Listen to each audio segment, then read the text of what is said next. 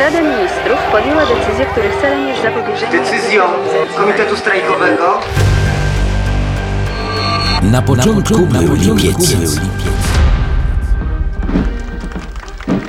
Dla władz ówczesnej Polski, sterowanych przez towarzyszy z Moskwy, dzień 22 lipca był zazwyczaj czasem organizowanych z dużym rozmachem obchodów Święta Odrodzenia Polski, ustanowionego na pamiątkę rocznicy ogłoszenia manifestu Polskiego Komitetu Wyzwolenia Narodowego w 1944 roku. W roku 1980 wielkie centralne świętowanie w ogóle się nie odbyło.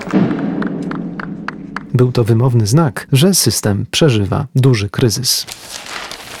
Zerknijmy do wydania życia Warszawy z tego dnia. Nasza ojczyzna odrodziła się z krwi bohaterów i trudu codziennej pracy. Socjalizm przyniósł narodowi polskiemu autentyczną niepodległość i wysoki autorytet międzynarodowy. W swoim dzienniku Mieczysław Rakowski, dziennikarz od 1972 roku poseł, a od 1975 członek Komitetu Centralnego PZPR, później wicepremier w rządzie Jaruzelskiego i premier, notował.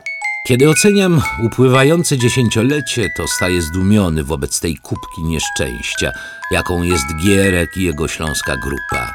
Nikt tak nie zepsuł zabawki zwanej Polską Ludową.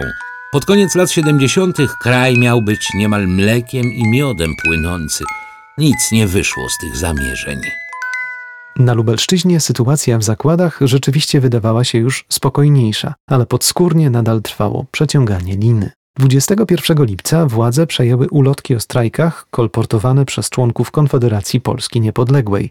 W dniu święta, dzień później, rano w hełmie, ktoś oblał farbą pomnik Braterstwa Broni.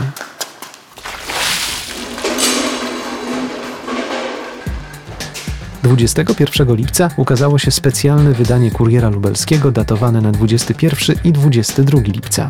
Na górze strony pierwszej niebieską wielką czcionką krzyczało hasło Niech pokojem i pracą rozkwita Polska Ludowa.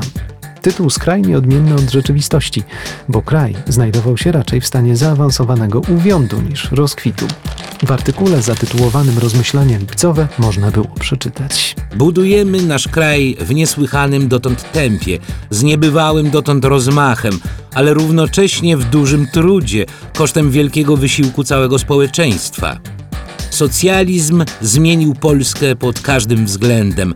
Świadomość przeżywanych obecnie kłopotów i przyznajmy to, niespodziewanie dużych trudności w wielu działach gospodarki nie tylko nie może przekreślić wartości naszych dokonań, ale co ważniejsze, nie może zniechęcić nas do kontynuacji dzieła rozwoju naszej ojczyzny. W numerze znajdziemy też krótkie, zapewne nieco podkoloryzowane wypowiedzi mieszkańców, których dziennikarze zapytali o to, jak spędzali ubiegły weekend. No to zacytujmy jedną z takich wypowiedzi. Student Leszek G. Sobota i niedziela upłynęły mi pod znakiem olimpiady. Szczególne wrażenie zrobiła na mnie wspaniała ceremonia otwarcia Igrzysk Olimpijskich w Moskwie. Oglądałem ją po raz wtóry, gdy była powtarzana przez telewizję. Mam szczęście, że nie tak dawno kupiliśmy kolorowy telewizor.